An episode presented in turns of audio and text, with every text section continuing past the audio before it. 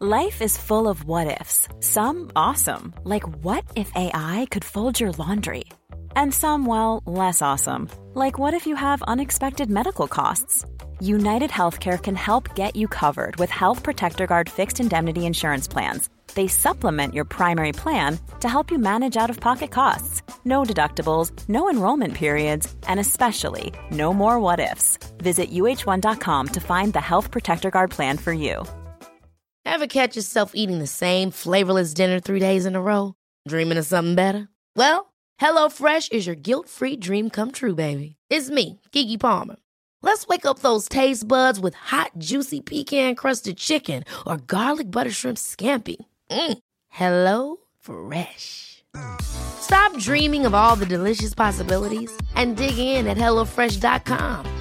Let's get this dinner party started.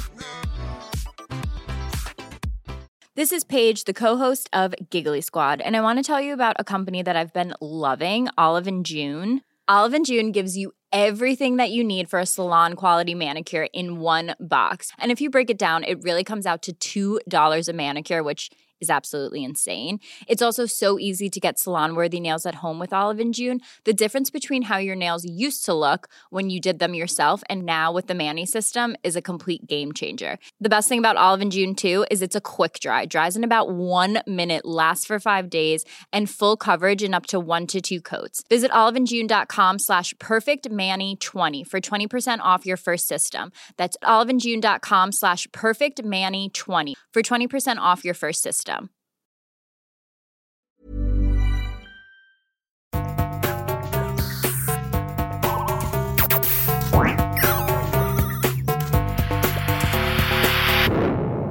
Velkommen til Sinnsyn. Jeg heter Sondre Risom Livre, er psykolog, og dette er Webpsykologens podkast. Hverdagspsykologi for fagfolk og folk flest.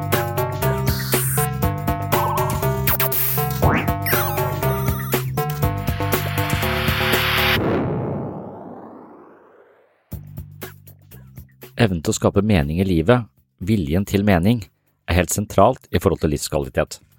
Noen eksistensfilosofer sier rett og slett at vi er dømt til å skape mening i eget liv. Frykt, vonde erfaringer, kritikk, mobbing, krig og smerte kan legge beslag på hele vårt mentale apparatur og stenge for glede, mening, lyst, kreativitet og vitalitet. I slike tilfeller risikerer man at meningsløshet farger livet i dystre toner.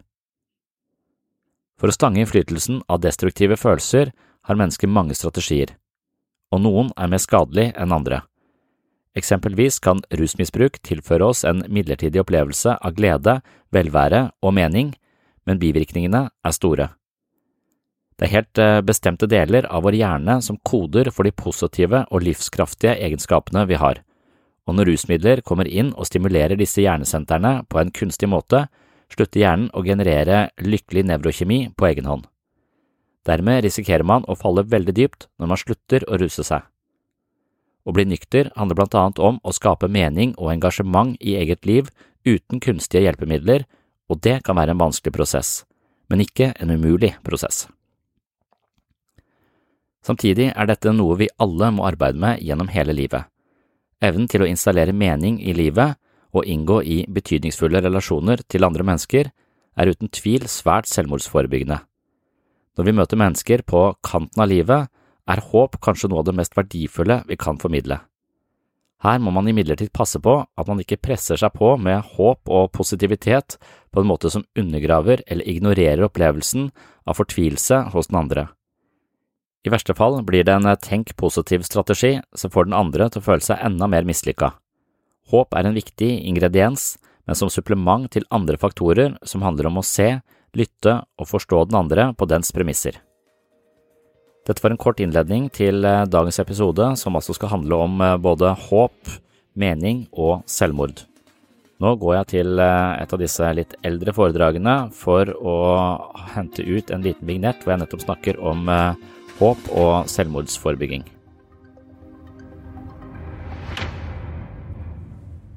Spesielt i forhold til psykisk lidelse og spesielt i forhold til depresjon, så, så tenker jeg at det er en, en, slags sinnstilstand som gir deg skylapper.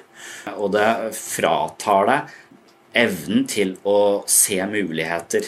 Eh, og da tenker jeg at eh, selvmords, selvmord kan ofte kanskje være en slags virus på tanken. En slags sykdom i tanken som det alltid vil være mulig å, eh, å gjøre noe med. Så du har en, en person som sliter med lav selvfølelse og depresjon, går nedover markens, møter en kamerat, den siste kameraten han føler han har igjen, som bare går rett forbi og ikke sier hei. Da tenker personen at eh, ok, nå er det ingen som liker meg lenger. Nå har ikke engang han som har jeg ansett som min beste venn, interessert i meg. Jeg prøver å ta livet mitt. Klarer det ikke, havner på, på døgnpost og psykiatrisk avdeling. Snakker med, med, med folka der, fortelle hva som skjedde. og sier at jeg er helt verdiløs, det er ingen som liker meg. Ok, hvordan vet du det? Jo, den siste kameraten min møtte jeg nede i marken, så han gadd ikke å si hei til meg. Ok, Og så har du snakket med han etterkant? Nei, det har jeg ikke. Så ringer vi han, og så sier han at ja, vi, du gikk rett forbi meg her, jeg skulle bare sjekke om, om det er noe Om du har lyst til å kutte kontakten, eller, om, eh, eller, eller hvordan det forholder seg. Og da sier han uff, beklager, jeg, kona mi er sjuk og ligger på sykehuset, så jeg var så stressa den dagen at jeg så ingenting annet enn meg selv. Jeg bare løp gjennom marken, så skulle jeg opp på, eh, på sykehuset, hvor den ble lagt inn den dagen du snakker om. Og da har man jo tolket ut ifra eh, et slags depressivt sinnelag, og man har hoppet til konklusjoner, og det er det som ofte skjer når man sliter med depresjon man har et smalt tolkningsrepertoar, man mangler eh, tolkningsmuligheter, og ofte så handler man på konklusjoner som ikke er spesielt eh, godt fundert. Og det tenker jeg det er psykoterapiens eh, vesen, eller behandlingens vesen, er å hjelpe personer til å få flere perspektiver inn i livet sitt. Og når man da møter eh, folk som eh, Eh, som er på selvmordets rand, eller som tenker på selvmord, eller som har begått selvmord, så, så handler det på den ene siden om å våge følelsen, fordi at det er ofte denne følelsen vi fortrenger, som blir til disse indre psykiske spenningene som personen ikke kan leve med. Og Hvis man da sier 'nei, du må ikke tenke sånn om deg selv', nei da, du, du er så fin, du har mange venner', så kan det være at man rett og slett bare undergraver personens opplevelse, og personen igjen føler seg misforstått. Man føler ikke at man finner en nærhet, en person som forstår en, fordi den personen blir så redd for selvmordet, og det er veldig vanlig. altså Når vi møter mennesker som er på kanten av livet, så skremmer det oss, eh, for vi er redd for døden veldig mange, og vi er redd for sterke følelser, så vi vil som en hjelper prøve å fjerne den følelsen, den vonde følelsen så fort som mulig. Og da kan det være at eh, dette ikke blir et spesielt godt møte, at vi ikke klarer å hjelpe denne eh, personen. Det vi må, det er, vi må være avklart med døden selv, og vi må våge å gå inn i den andres følelser, la de være der. Og det er når vi tar de fram i lyset, at de ofte mister sin destruktive kraft. Eh, så det også ikke vike unna, våge å snakke om det, samtidig eh, som man jobber med å installere flere perspektiver. Så først akseptere følelsen, prøve å forstå følelsen, leve seg inn i følelsen, og så bidra med supplerende måter å tenke på, sånn at man kanskje kan anspore til litt andre følelser, litt andre uh, livsutsikter enn det personen hadde fra før. Hvem dør? En ung jente fra en kjærlig familie forsøker å begå selvmord fordi hun ikke føler seg elsket. Faktum er at hun er elsket, men følelsene hennes er annerledes. En mann bestemmer seg for selvmord fordi kjæresten forlater ham. Når han ikke blir sett av kjæresten, og kjæresten ikke lenger bryr seg, så mister han all sin verdi, og han ser ikke noe, øh, noe, noe grunn til å leve mer. Øh, han føler seg kun verdifull i den andres blikk, og når den da forlater, så, så har han ikke mer å leve for og velger selvmordet. Og så er det offer, ofre for brutaliteter, krig og lignende omstendigheter. Kommer fra det med livet i behold, men med varig arr om et ønske om å leve videre. Og da, da er spørsmålet hva, ut, hva avgjør forskjellen mellom liv og død i disse, i disse tilfellene? Det har blitt liten tid. Her, her syns jeg at det er en som heter um, Viktor Frankel, har noen uh, viktige perspektiver på dette her. Nietzsche eh, snakket om at den viktigste drivkraften i mennesket er viljen til makt.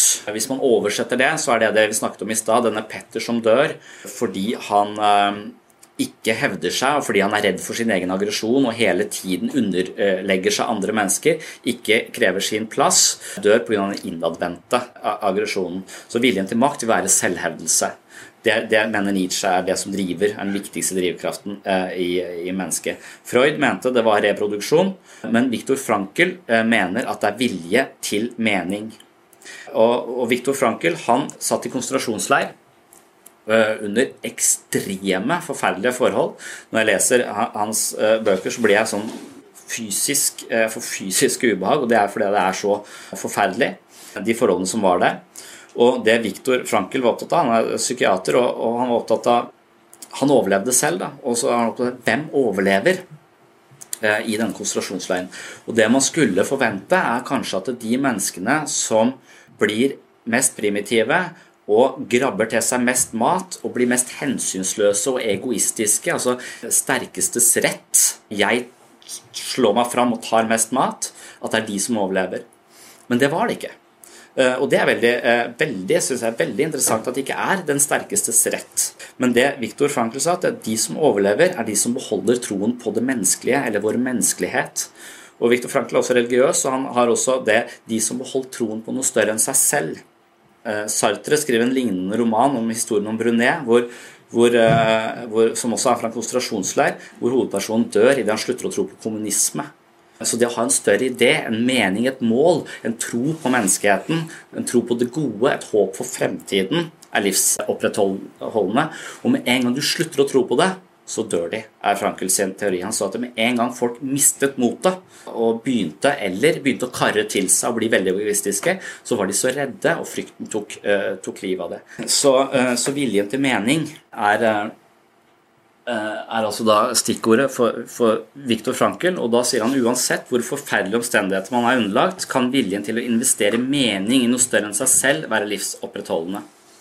Og Det tror jeg også er eh, sentralt i forhold til det å ta selvmord og psykisk lidelse. er at mange av de som begår og prøver å begå selvmord, ikke har mistet den troen på at jeg kan skape mitt liv, har mistet denne drivkraften i livet. og og er farget av tankemønster, ideer om ikke være god nok, og på den måten lever et liv med skylapper som fører til, til selvmord. Når vi ser at rusmisbruk er forbundet med høy grad av eh, eller hyppigere selvmordsforsøk, så er det kanskje også fordi at rusmisbruk nettopp stimulerer den delen av hjernen som handler om å skape mening. Så når du får rus, så vil den ofte stimulere enten søke- eller lystsystemet i hjernen vår, og da vil den, tenke, den delen av hjernen tenke at oi, disse, eh, disse, kjemikaliene jeg trenger for å være interessert og glad, de kommer utenfra, da trenger ikke jeg produsere det. Så når man slutter å ruse seg, så faller man veldig dypt. Da har hjernen slutta å produsere de stoffene man trenger eh, for å stimulere den delen av hjernen som handler om å være interessert, nysgjerrig, skape sitt liv, være utadvendt og, og, på en måte den, det vi trenger for å investere og skape mening i eget liv. Det er en muskel i hjernen vi er nødt til å trene opp. Og det kan man trene opp gjennom behandling. Eh, man kan trene det opp ved å sette seg langsiktige mål og hele tiden ta ett og ett skritt videre. Man kan trene den delen av hjernen gjennom fysisk aktivitet. Når du blir skikkelig sliten, så, skal, så produserer hjernen de, de, kjemikaliene som er forbundet med eh, lykke eller glede. Og de jeg kjenner som, eh, som har vært rusmisbrukere, de blir ofte religiøse, altså en større mening, eller de begynner å sykle fram og tilbake til Hovden trene overdrevent mye. Som om det er den måten å vinne tilbake hvor du selv skaper mening i livet ditt. Du selv skaper de endorfinene og, og, og forskjellige kjemikalier som skal til for å føle mening i eget liv. Og, og dermed så tenker jeg at ethvert et, et hvert selvmord vil jeg Jeg vil aldri komme til å akseptere det. For jeg vil alltid mene at det er en, en mulighet til å skape mening i selv de vanskeligste og mest håpløse situasjonene. Eh, det finnes behandling for veldig mye, og det, finnes, og det å handle i en impuls av håpløshet eller på en veloverveid idé om at livet ikke er verdt å leve, handler om eh, smale fortolkninger.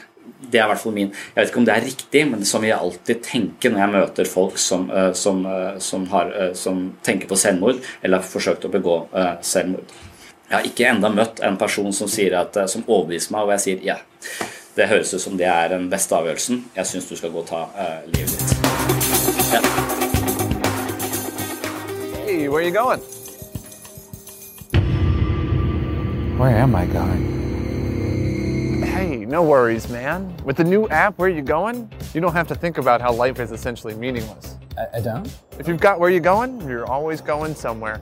Where Are You Going aggregates your search history, online purchases, and other invasive personal data to determine nearby locations and establishments to go to, which will keep you from focusing on the existential crisis that has plagued humanity since the beginning of time. So, what do I do when I get there? Well, Where You Going actually finds your next location for you as soon as you arrive. Plus, it tells you exactly how much time you should be spending in your current location.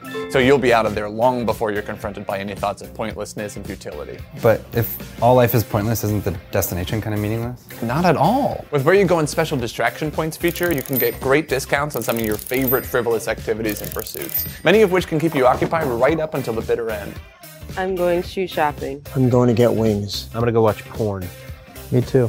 What about if I'm at my soul crushing job? Can I use Where You Going when I'm on the clock? If you use Where You Going in office mode, the app will alert you of free food, remind you of upcoming meetings, locate nearby water coolers, copiers, and cubicles of coworkers you've never met before. And I bet she's just as world weary as you are. Thanks, Where You Going? You're welcome. Wait a second. Where am I going? What do I do when this commercial ends? Where are you going? Because when you're going nowhere, you still gotta know where to go.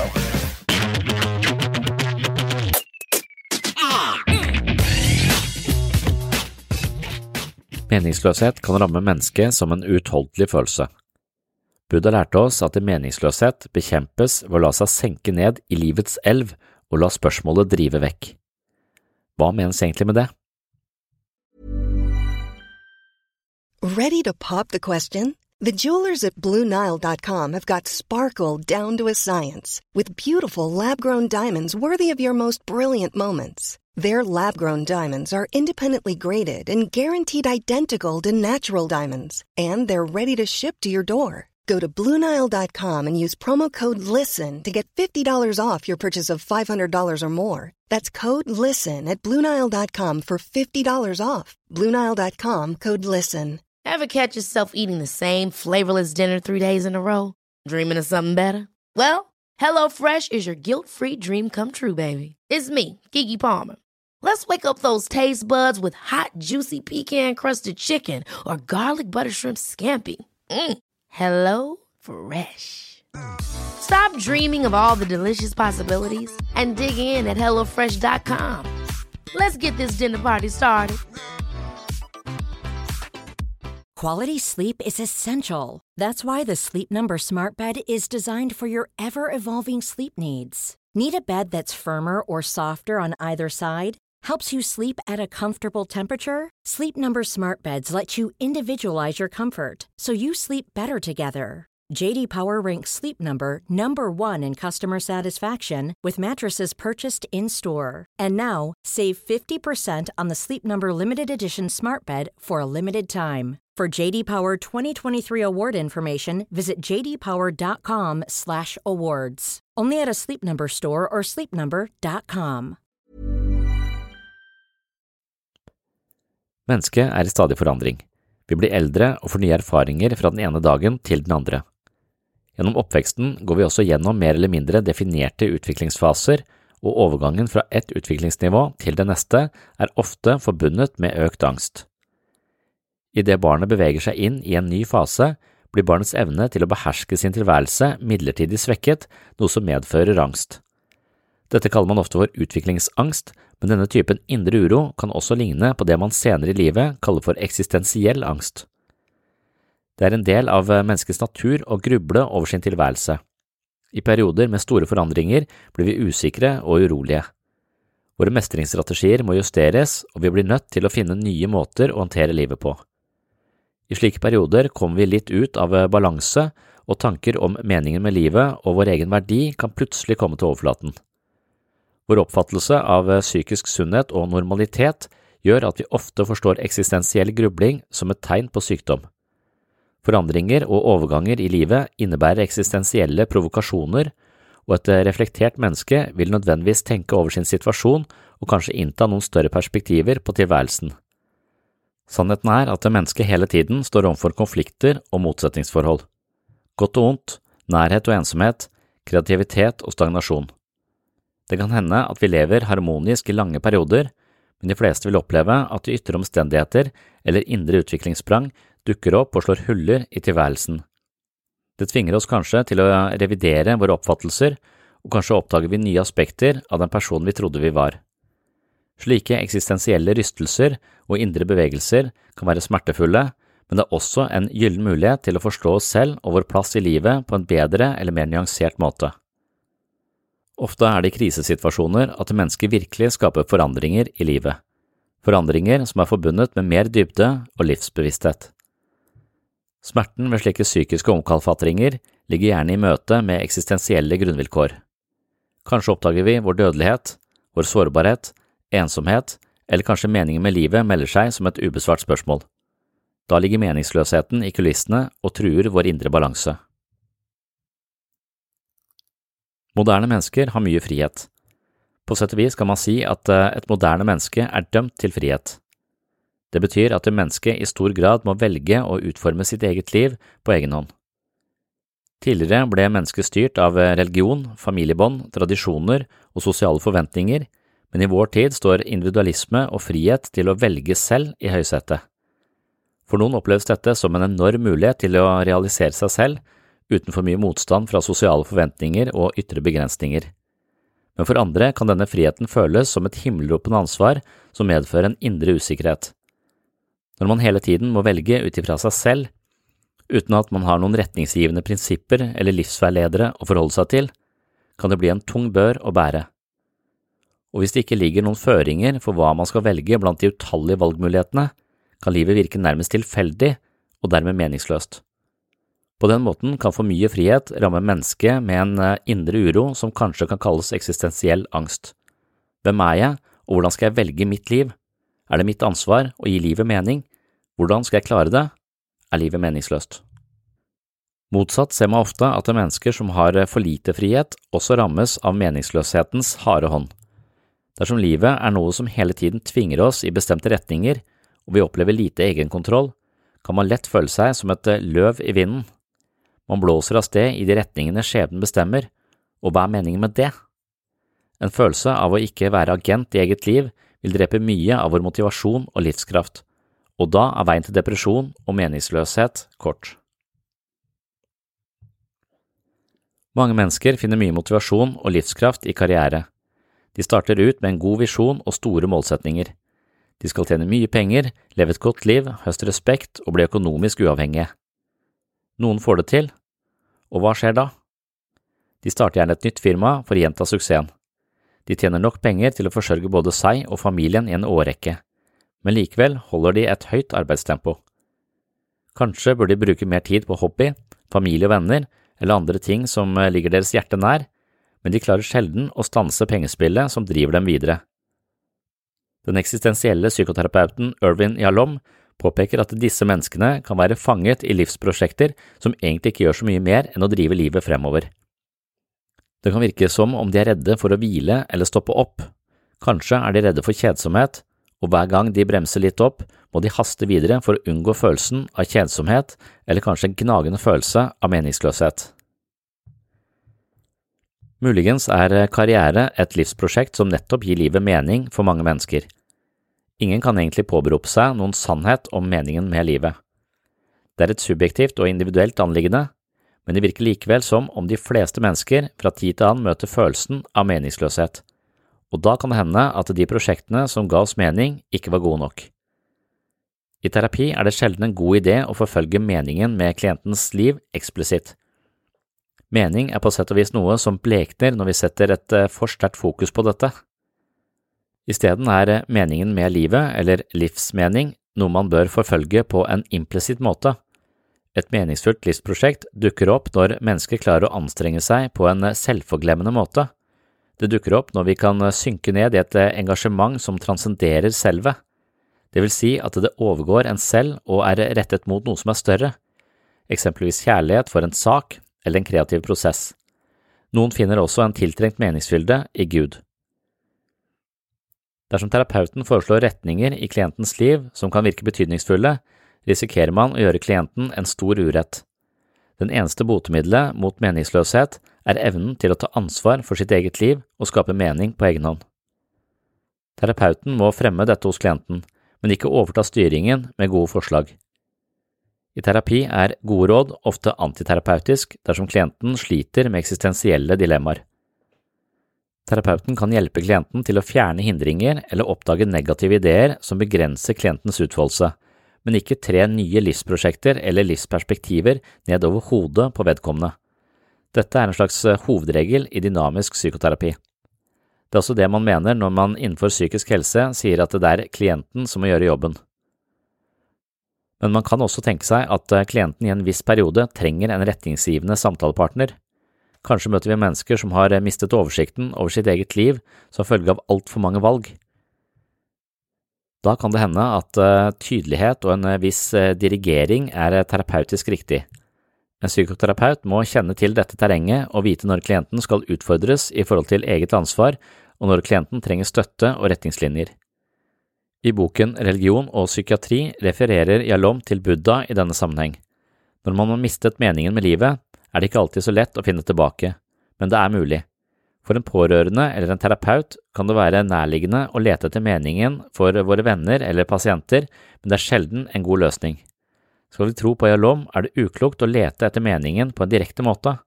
Han nevner at Buddha har lært oss at eh, den eksplisitte søken etter mening ikke er oppbyggelig. Det beste er å senke seg ned i livets elv og la spørsmålet drive vekk. Mening er noe livet får når vi engasjerer oss uhindret i noe. Hvis vi fokuserer for mye på det, kan det hende at vi mister det. Det betyr rett og slett at eh, man eh, bør tilstrebe å finne en slags eh, geskjeft, og gjerne da en måte å drive livet sitt på som ikke bare er opptatt av å skaffe seg ting og dekke egne behov, men kanskje noe som går litt utover bare egne behov, som en større sak, kanskje interessere seg for andre mennesker osv., og hvis man virkelig er engasjert i noe, det kan også være musikk eller en eller annen hobby, en, en, et engasjement som ikke handler om å samle på ting, men rett og slett drevet av eh, kreativitet, nysgjerrighet osv., det er der meningen skjuler seg på en eller annen måte. Men hvis vi isteden bare leter etter meningen med livet, så går vi nettopp glipp av Da bruker vi tida på, på feil ting, rett og slett. Vi, det går ikke an å og bruke tiden på å lete etter meningen med livet. Meningen med livet dukker opp når man eh, lar seg senke ned i livets elv, eller rett og slett uforglemmelig bare eh, er engasjert i noe som da gjerne er litt større enn eh, oss selv. Jeg vil avslutte denne episoden med å anbefale noe litteratur. Irvin D. Yalom han er en kjent psykiater fra Stanford University et av hans eh, større faglige hovedverk heter Eksistensiell psykoterapi. Denne boken gir en dyp innsikt i både filosofi og psykologi. På mange måter presenterer Jalom selve essensen ved menneskets væren og menneskets vanskeligheter. Han skaper en eh, mesterlig og kreativ syntese av ulike teorier om menneskets tilværelse, og på mange måter skjærer han eksistensen inn til beinet. Han viser oss hvordan mennesket dypest sett konfronteres med fire grunnleggende bekymringer. Det er ensomhet, meningsløshet, frihet og død. I mitt virke som eh, psykolog har Yalom vært en av de store inspirasjonskildene, kanskje nettopp fordi han stadig er opptatt av eh, de store spørsmålene, i tillegg til at han er eh, gruppeterapeut. I så henseende vil jeg også nevne boken som heter Religion og psykiatri. Religion, jeg, du vet jo at jeg betrakter meg selv som praktiserende ateist, svarte Irvin Yalom da han ble tildelt Oscar Fitzer-prisen av Komiteen for religion og psykiatri, som kvitterte med å mene at Yalom nettopp har viet sitt liv til religiøse og eksistensielle spørsmål. Yalom skriver mye om å møte de eksistensielle grunnvilkårene, og kanskje spesielt døden, som lett kan bade livet i et skjær av meningsløshet.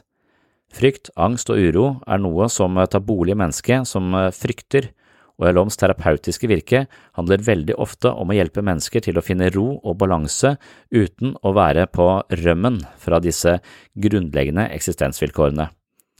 Ordet terapi stammer fra det gamle greske ordet therapon og betyr en som står til tjeneste og hjelper en annen. Ångest, det er noe som kommer takk være den uendelige friheten vi har å gjøre valg. å velge livsväg riktning. Förtvivlan är den grunden vi har att stå på för att kunna utvecklas och växa som människor. Ja, får du ta på dig.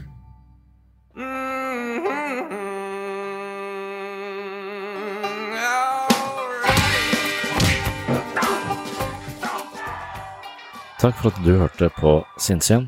Takk til alle som har uh, rata podkasten uten tilbakemeldinger eh, i ulike sosiale medier og på ulike plattformer.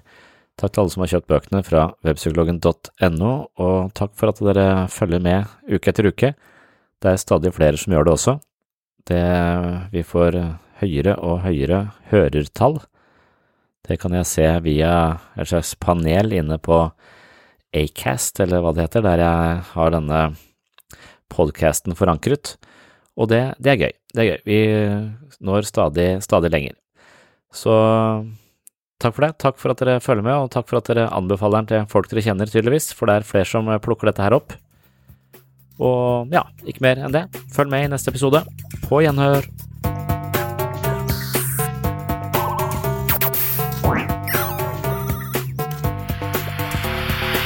Så hva er planen? Planen? Jeg har ikke noen plan.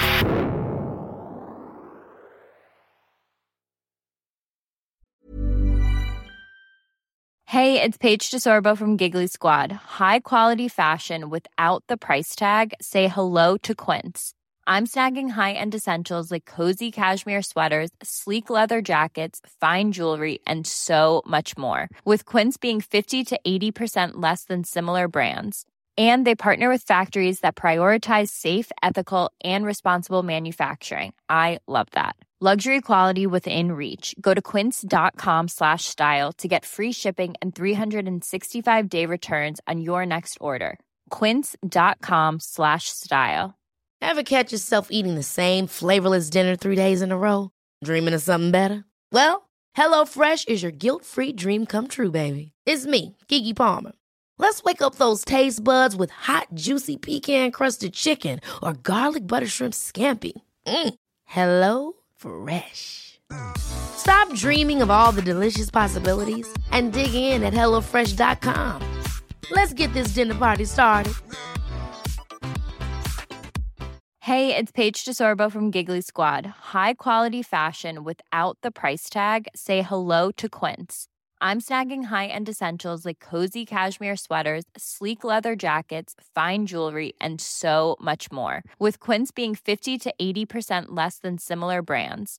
And they partner with factories that prioritize safe, ethical, and responsible manufacturing. I love that. Luxury quality within reach. Go to quince.com slash style to get free shipping and 365 day returns on your next order.